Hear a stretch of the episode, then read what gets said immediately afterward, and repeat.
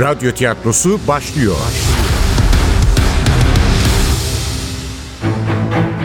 Kayıp Tanrılar Ülkesi 32. Bölüm Eser Ahmet Ümit Radyoya uyarlayan Safiye Kılıç Seslendirenler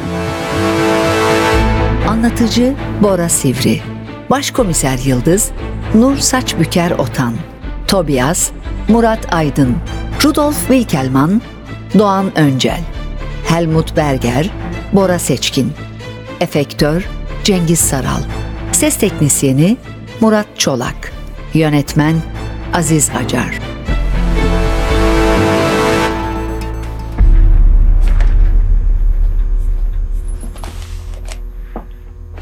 Bütün mobilyası dört iskemleyle küçük bir masadan ibaret, sağ tarafı kocaman bir aynayla kaplı, sol duvarında ise orta boy bir ekran bulunan sorgu odasında rahatsız edici bir cızırtı vardı. Karton piyerlerin arkasına yerleştirilen lambalardan biri ömrünün tükendiğini kendi lisanınca ilan ediyordu. Bu ses zaten gergin olan ortamı iyice tatsızlaştırmıştı. Gecenin bir yarısı apar topar emniyete getirilen Rudolf Winkelmann, oturduğu iskemlede huzursuzca kıpırdanarak yardım dilercesine yanındaki avukatına baktı. Güya onu savunmakla görevli hukuk adamı müvekkilinin kendisine baktığının farkında bile değildi. Başı hafifçe öne düşmüş, pahalı takım elbisesi buruşmuş, kravatı kaymıştı. Kızarmış suratında mayışmış bir ifade vardı. Göz kapaklarını açık tutmakta zorlanıyordu. Zavallı adamcağız. Eğlenceli bir toplantıyı yarıda bırakıp gelmek zorunda kalmıştı buraya. Vaziyete bakılırsa bir hayli de sarhoştu.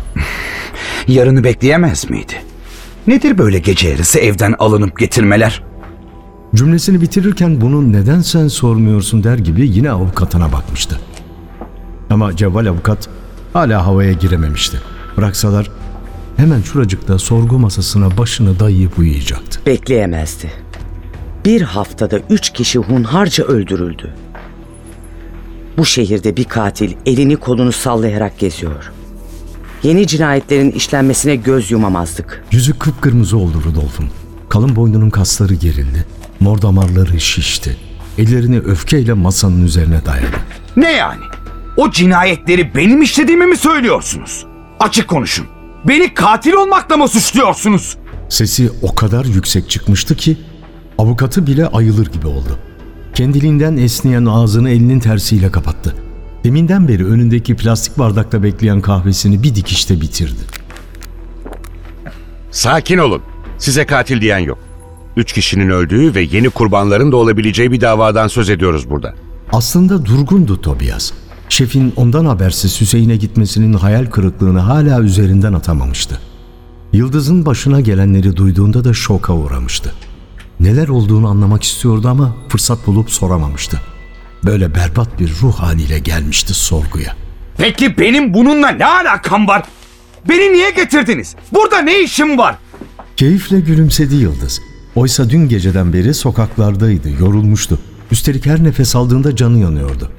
Katilin tekmesi kaburga kemiklerini zedelemiş olmalıydı. Müdürün hastaneye gitmelisin övdüğünü de dinlememiş, gecenin bir yarısı da olsa Rudolf'u merkeze aldırmakla uğraşmıştı. Başarmıştı da ama ağrısı her dakika artıyordu.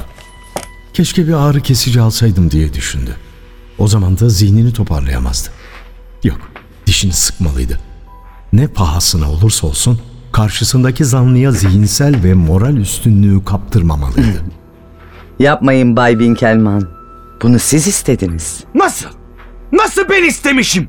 Hatırlasanıza bu sabah Cermanya Spor Kulübü'nde söylediniz. Bakın tam olarak şöyle dediniz. Bir daha buraya gelmeyin. Beni suçluyorsanız gözaltına almanız gerekecek. Yanılıyor muyum Tobias? Bay Winkelmann böyle söylemedi mi? Tamam. Tamam hatırlıyorum. Ama bunu gece yarısı mı yapmanız gerekiyordu? Sabahın suyu mu çıktı? Günün ışımasına ne kaldı şunun şurasında? Bu akşam bir adam daha öldürülecekti Bay Winkelmann. Eğer biraz daha geç kalsam bu akşam Rudolf'da katiller dördüncü kurbanlarını vahşice parçalayacaklardı. Ve yine bu akşam eğer kendimi korumak için yana çekilmesem benim de beynimi patlatmış olacaklardı. O yüzden sabahın üçü de olsa Beşi de olsa sizi buraya getirmek zorundaydık. Gerektiği kadar da burada tutacağız. Geçmiş olsun Bayan Karasu. Gerçekten kaygılandım. Yani sizin için diyorum. Ama bunun müvek, müvek, müvekkilimle ne ilgisi var? Hala dili dolaşıyordu pahalı avukatın ama meramını anlatabilmişti sonunda. En nihayet konuşabildin be adam dercesine bakıyordu Rudolf Winkelmann. Evet. Benimle ne ilgisi var? Çünkü avukat bey, bu akşam saldırıya uğrayan kişi müvekkilinizin 23 yıldır kan davası güttüğü Hüseyin Ölmez'di. Adam itiraz edecekti fakat Yıldız işaret parmağını kaldırarak ekranı gösterdi. Ekranda Hüseyin Ölmez'in fotoğrafı belirdi. Daha önceki üç kurbandan ikisi yine Bay Winkelmann'ın düşmanı Hüseyin Ölmez'in yakınlarıydı. Orhan Ölmez dedesiydi. Cemal Ölmez kardeşi. Yıldız isimleri sıraladıkça aynanın öteki tarafındaki polis memuru kurbanların görüntülerini ekrana yansıtıyordu. Evet, Orhan Ölmez yaşlı bir adamdı. Torunu Cemal ise gençti. Yaşam doluydu. Ama daha önemlisi müvekkiliniz bir zamanlar Cemal Ölmez'le de kavga etmişti. Cam çerçevenin dağıldığı kanlı bir kavga. Kanlı. Elimizde silah bile yoktu. Planlanmış bir şey değildi. Tümüyle rastlantıydı. Dükkanın önünden geçerken gördüm bu herifi. Kendisi azılı bir Almanya düşmanıdır. Almanya düşmanı derken inanın hiç abartmıyorum. Kreuzberg'den Almanları temizlemek için gönüllü çete kuran, yerel halka saldırılar düzenleyen bir terörist. İnanmayın tabii. Siz kararınızı vermişsiniz zaten. Ama ben anlatacağım. Evet, bahsettiğiniz kavga öyle çıkmıştı işte. Dediğim gibi dükkanın önünden geçiyorduk. Ben o zibidiyi gördüm, o da beni fark etti. Pis Nazi diye sataştı. Dükkanın önüne çıktı. Hitler'in dölü, defol buradan diyerek üzerime yürüdü. Tartışmaya başladık. Küfürlerini arttırınca da birbirimize girdik.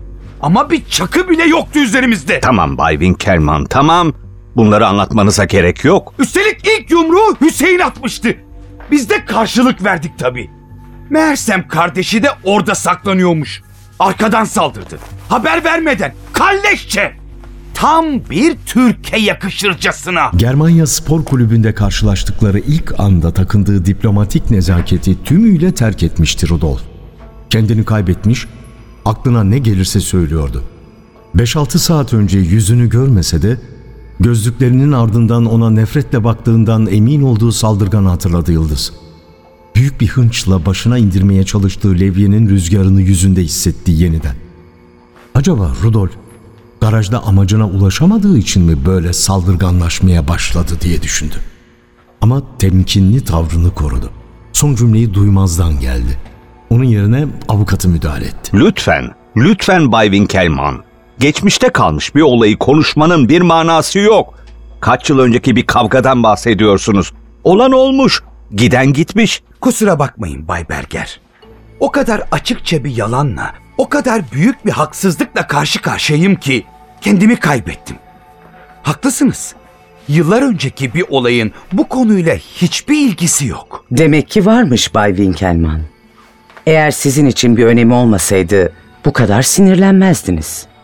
Üstelik bu sabahki konuşmamızda ne Hüseyin Ölmez'i ne de kavgayı hatırlıyorum demiştiniz.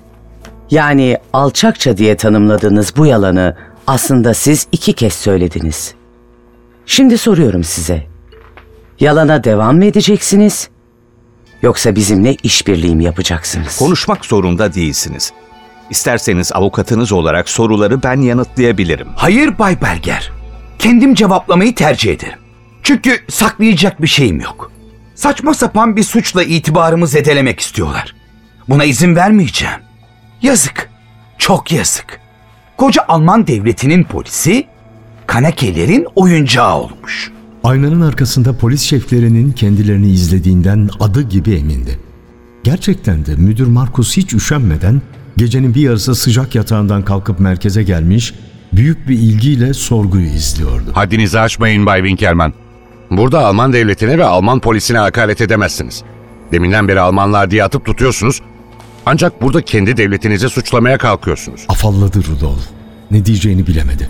Sonra hiddet dolu bakışlarını Yıldız'a çevirdi. Ama bu kadın bana komplo kuruyor. Ve devlet buna izin veriyor. Ortalıkta ne kanıt var ne şahit. Gecenin bir yarısı cinayet suçlamasıyla gözaltına alınıyorum. Bir Alman vatandaşı olarak benim de haklarım var. Evet Bay Winkelmann, haklarınız var. Üstelik bu haklarınızı en iyi şekilde savunacak bir hukukçu da yanınızda bulunuyor. Sadece soracağımız sorulara yanıt vereceksiniz. Neden böyle kendinizi kaybettiğinizi anlamadım. Korkacak bir şeyiniz yoksa sinirlenmenize de gerek yok. Bildiklerinizi anlatacaksınız. Ama yalansız olarak. Sadece gerçekleri. Hepsi bu. Bay Berger daha iyi bilir. Ortamın gerilmesi sizin için hiç iyi olmaz. Ne?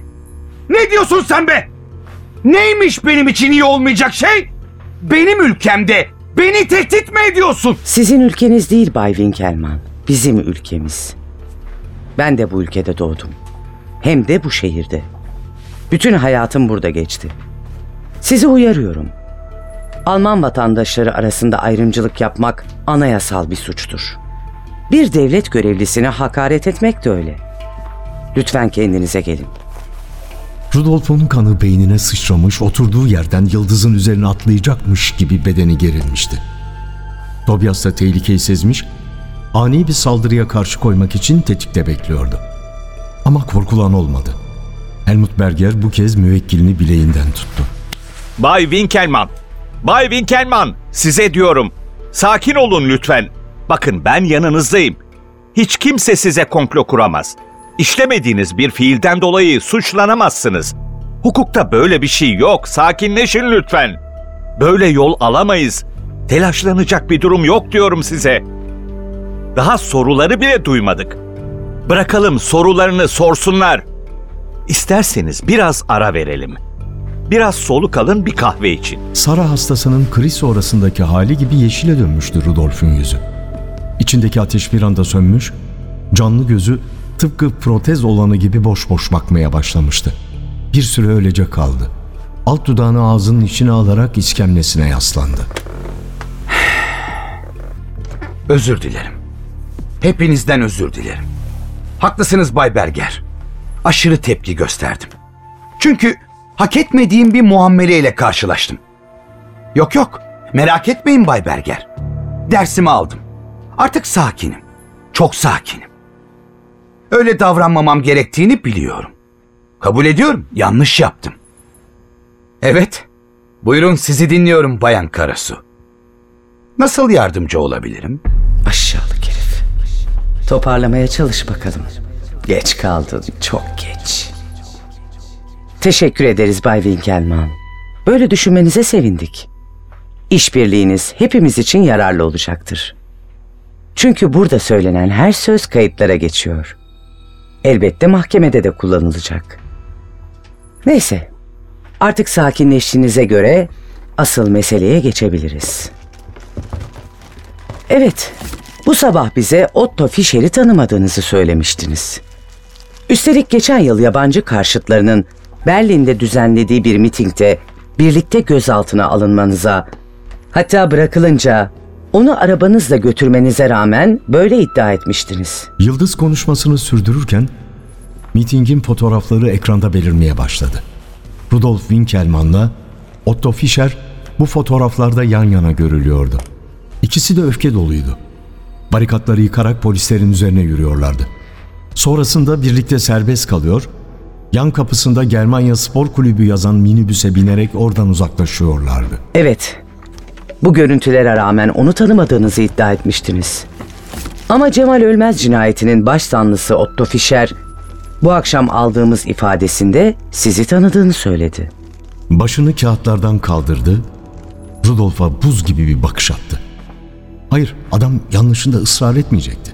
Artık hata yapmayacaktı. Sakince dinliyordu. Bunun üzerine yardımcısına döndü Yıldız. Komiser Becker, lütfen Otto Fischer'in sorgusunda neler anlattığını söyler misiniz? Tobias söze başlamadan önce ekranda Otto Fischer'in başka bir görüntüsü belirdi. Gamalı haçlı Nazi bayrağının önünde kaslarını gösterecek şekilde kollarını kavuşturarak durmuştu. Kişisel olarak hiçbir yeteneği olmayan, hayatta önemli hiçbir başarısı olmayan bu zavallı mahlukun en büyük gurur kaynağı ideolojisiydi. Kendisi gibi ezik arkadaşlarıyla bir araya gelip ırk, bayrak ve ülke kavramlarını bahane ederek hayatına bir anlam bulmaya çalışıyordu. Nefret dolu, yıkıcı ve vahşi bir anlam. O yüzden yerden bitme Nazi o lanetli haçın önünde durmuş, dünyaya meydan okurcasına bakıyordu. İşte böyle Bay Winkelmann. Ekranda gördüğünüz Bay Fischer bu akşamki sorgusunda sizi çok eskiden tanıdığını beyan etti. Gençlik günlerinden beri arkadaşmışsınız. Hatta şu rastlantıya bakın ki Kreuzberg'in Almanlaştırılması projesinde de birlikteymişsiniz. Hani şu 36 Boys adındaki gruba karşı mücadeleniz var ya, işte o sokak kavgalarında omuz omuza dövüşmüşsünüz. Evet, bir nüshasını size de vereceğimiz ifadesinde aynen böyle dedi. Sizin çok vefalı biri olduğunuzu, arkadaşlarınızı hiç unutmadığınızı da ekledi. Hatta şu anda yanınızda oturan avukatınız Bay Berger'i bile sizin yolladığınızı açıklamaktan çekinmedi. Kavga arkadaşınız ilişkinizi saklamaya gerek duymazken siz neden inkar ettiniz? Cevap vermek zorunda değilsiniz.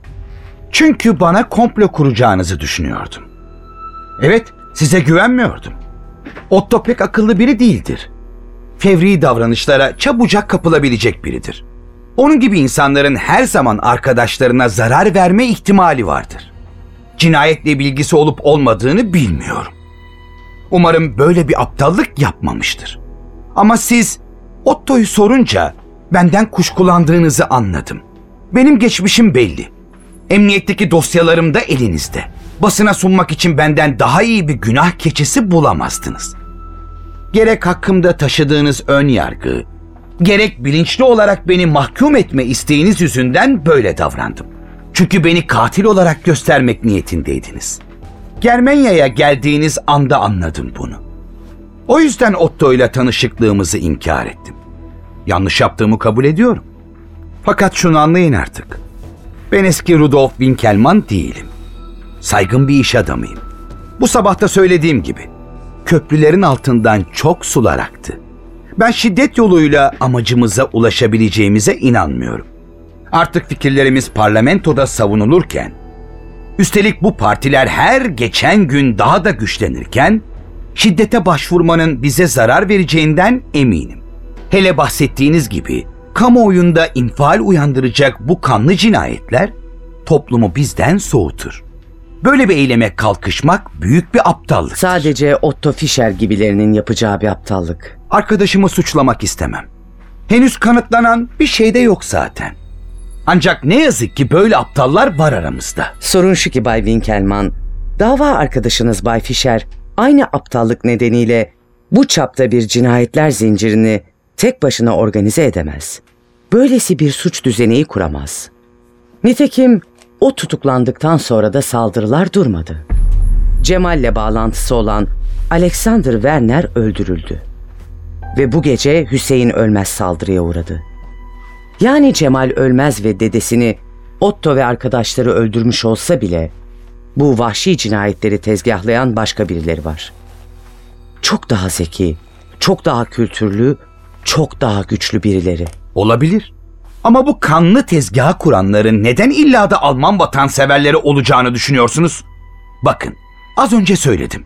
Bu cinayetler bize yarar getirmez, zarar verir. O zaman belki de o üç kişiyi öldüren, bu akşam da size saldıran kişi veya kişiler neden biz Alman vatanseverlerin düşmanları olmasın? Neden en kolay yolu seçerek kafanızdaki olağan şüphelileri tutuklamaya kalkıyorsunuz? Eski formuna kavuşmuştu Rudolf. Ama yıldızı etkileyemedi.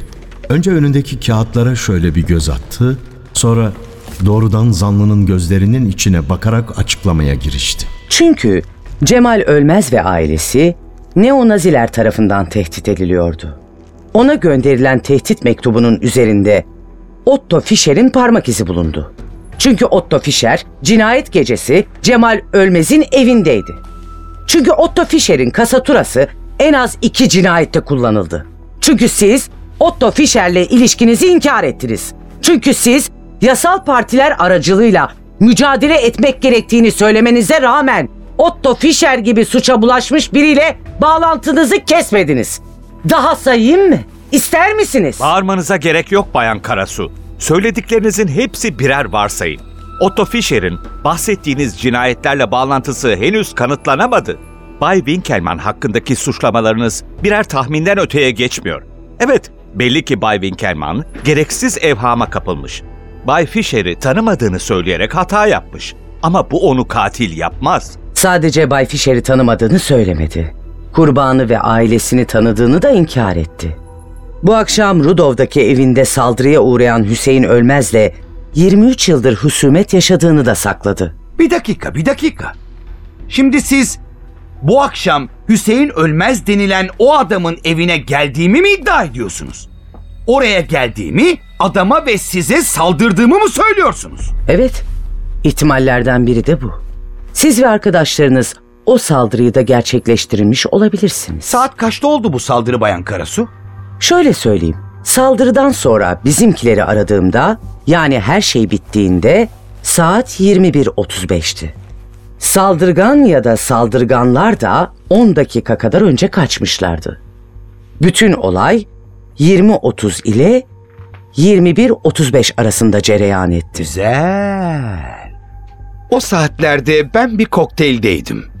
Tam olarak saat 20 ila 22 arasında. Adler Sivil Havacılık Şirketi'nin Kudam'daki binasının terasında kokteyldeydim.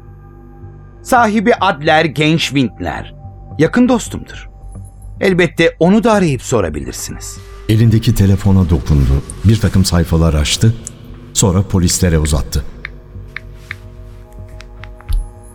Ama daha kolayı var. Çektirdiğim fotoğrafların hepsi burada.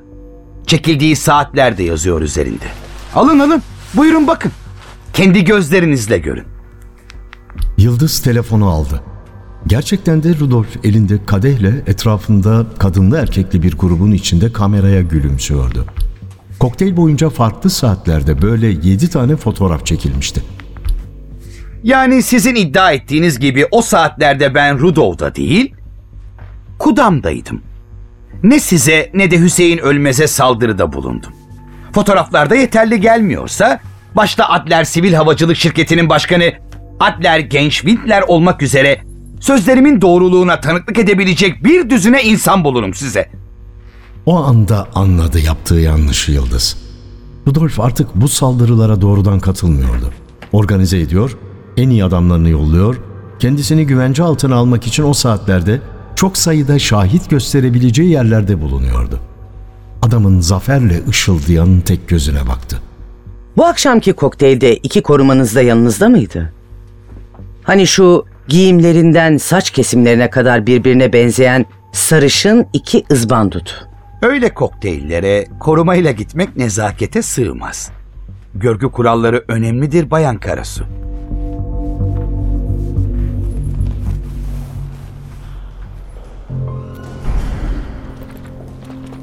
Merkezden ayrılırlarken gün ışımak üzereydi. Saatlerce kapalı odalarda kaldıktan sonra binadan çıkınca Yıldız öylece durdu merdivenlerin başında.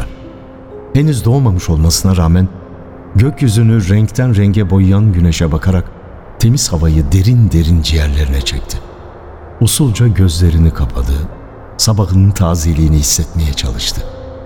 Galiba kaburgalarındaki ağrı azalmıştı. Rudolf Winkelmann'ın avukatını önüne katıp bir çalımla sorgu odasından ayrılmasından sonra Markus'un verdiği ağrı kesici etkisini göstermişti demek. Doğrusu tek gözlü Nazi'nin bu kadar kolay yırtılabileceğini hiç beklemiyordu. Ama hayat onun isteklerinden ve niyetlerinden bağımsız akıyordu. Ve Rudolf Winkelmann'ın itiraz edilemez kanıtları ve tanıkları vardı. Onu göz altında tutmaları için hiçbir sağlam gerekçe yoktu. Varsayımlara dayanarak adamı içeri atsalar bile kısa sürede çıkardı. Üstelik başlarına büyük bela açılırdı. Yabancı düşmanı gazetelerdeki satırları gözünün önünde canlandırmak hiç de zor değildi. Türkiye kökenli bir başkomiser, Alman olduğu için saygın bir iş adamını saatlerce göz altında tuttu. O yüzden Markus'un onu serbest bırakmak zorundayız teklifine karşı çıkmamıştı. Elbette Rudolf'un masum olduğuna inanmıyordu. Elbette soruşturma sonuçlanana kadar onu zanlılar listesinin ilk sırasında tutacaktı. Elbette peşini bırakmayacaktı. Ama en azından bu roundu onun kazandığını kabul etmeliydi. Bu yüzden merdivenlerden inerken kendini yenilmiş hissediyordu. bu bozgun duygusunda neredeyse 24 saattir ayakta olmasının da payı vardı. Gri kaportası damla damla çiğ tanecikleriyle kaplanmış otomobiline yaklaşınca anahtarları çıkartıp yavaş bir hareketle yardımcısına attı. Sen kullan. İlaç beni ağırlaştırdı biraz. Tabii şef. Başka bir laf çıkmadı ağzından. Onun da tadı kaçmıştı. Ama bu hali sadece Winkelmann'ın serbest kalmasıyla ilgili değildi. Yıldız'ın Rudolf'daki evde Hüseyin Ölmez'le buluştuğunu öğrendiğinden beri kafası karışıktı. Şef neden onu çağırmamıştı? Dahası eve gidiyorum diyerek ona yalan söylemiş, açıkça bilgi gizlemişti. Ortalıkta kötü bir şeyler dönüyordu. İkisi de arabaya bindiler. Koltuğa oturunca Yıldız ürperir gibi oldu. Arabanın içi dışarıdan daha serindi. Tobias hep o dalgın tavrıyla motoru çalıştırdı. Otomobili hareket ettirdi. Yıldız deri ceketinin yakasını kaldırarak koltuğun köşesine büzüldü. Ama gözleri açıktı. Henüz arabaların dolaşmadığı ıssız yola caddenin ağır ağır etkisini yitiren ışıklarına bakıyordu. Uzunca bir süre konuşmadılar. Oberbaum Köprüsü'nün kırmızı kulelerini görünce canlanır gibi oldu Yıldız. Kaç kez eski eşi Franz'ın teknesiyle bu köprünün altından geçerek göllere açılmışlardı. Spree Nehri'nin kızıla boyanan sularını görmek için başını cama doğru çevirirken duydu Tobias'ın sorusunu. Neler oluyor şef? Önce anlayamadı Yıldız. Nehirde bir tuhaflık var zannetti. Sessizce akan turuncu sulara baktı. Erkence iki tekneden ağır yükün altında neredeyse güvertesine kadar nehre gömülmüş bir mavnadan başka bir şey görmedi. Döndü.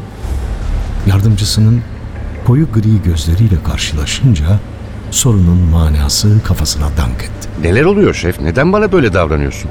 Artık kaçamazdı Yıldız. Daha fazla uzatmanın bir anlamı yoktu. Kendinden emin bir ifade yerleştirdi yüzüne. Neler olduğunu sen anlatacaksın Tobias. Neyi anlatacağım şef? Benden bilgi saklayan sensin. Beni operasyona çağırmayan sensin. Arabayı şöyle çek.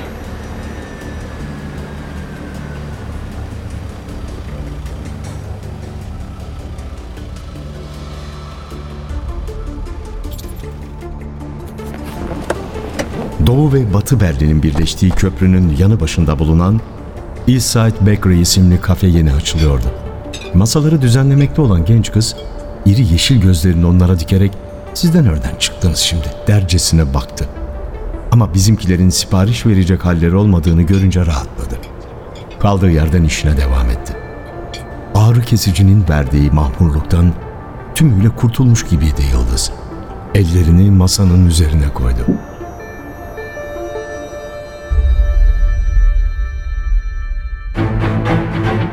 Kayıp Tanrılar Ülkesi Eser Ahmet Ümit. Radyoya uyarlayan Safiye Kılıç. Seslendirenler Anlatıcı Bora Sivri. Başkomiser Yıldız Nur Saçbüker Otan. Tobias Murat Aydın. Rudolf Wilkelman Doğan Öncel. Helmut Berger Bora Seçkin. Efektör Cengiz Saral. Ses Teknisyeni Murat Çolak Yönetmen Aziz Acar.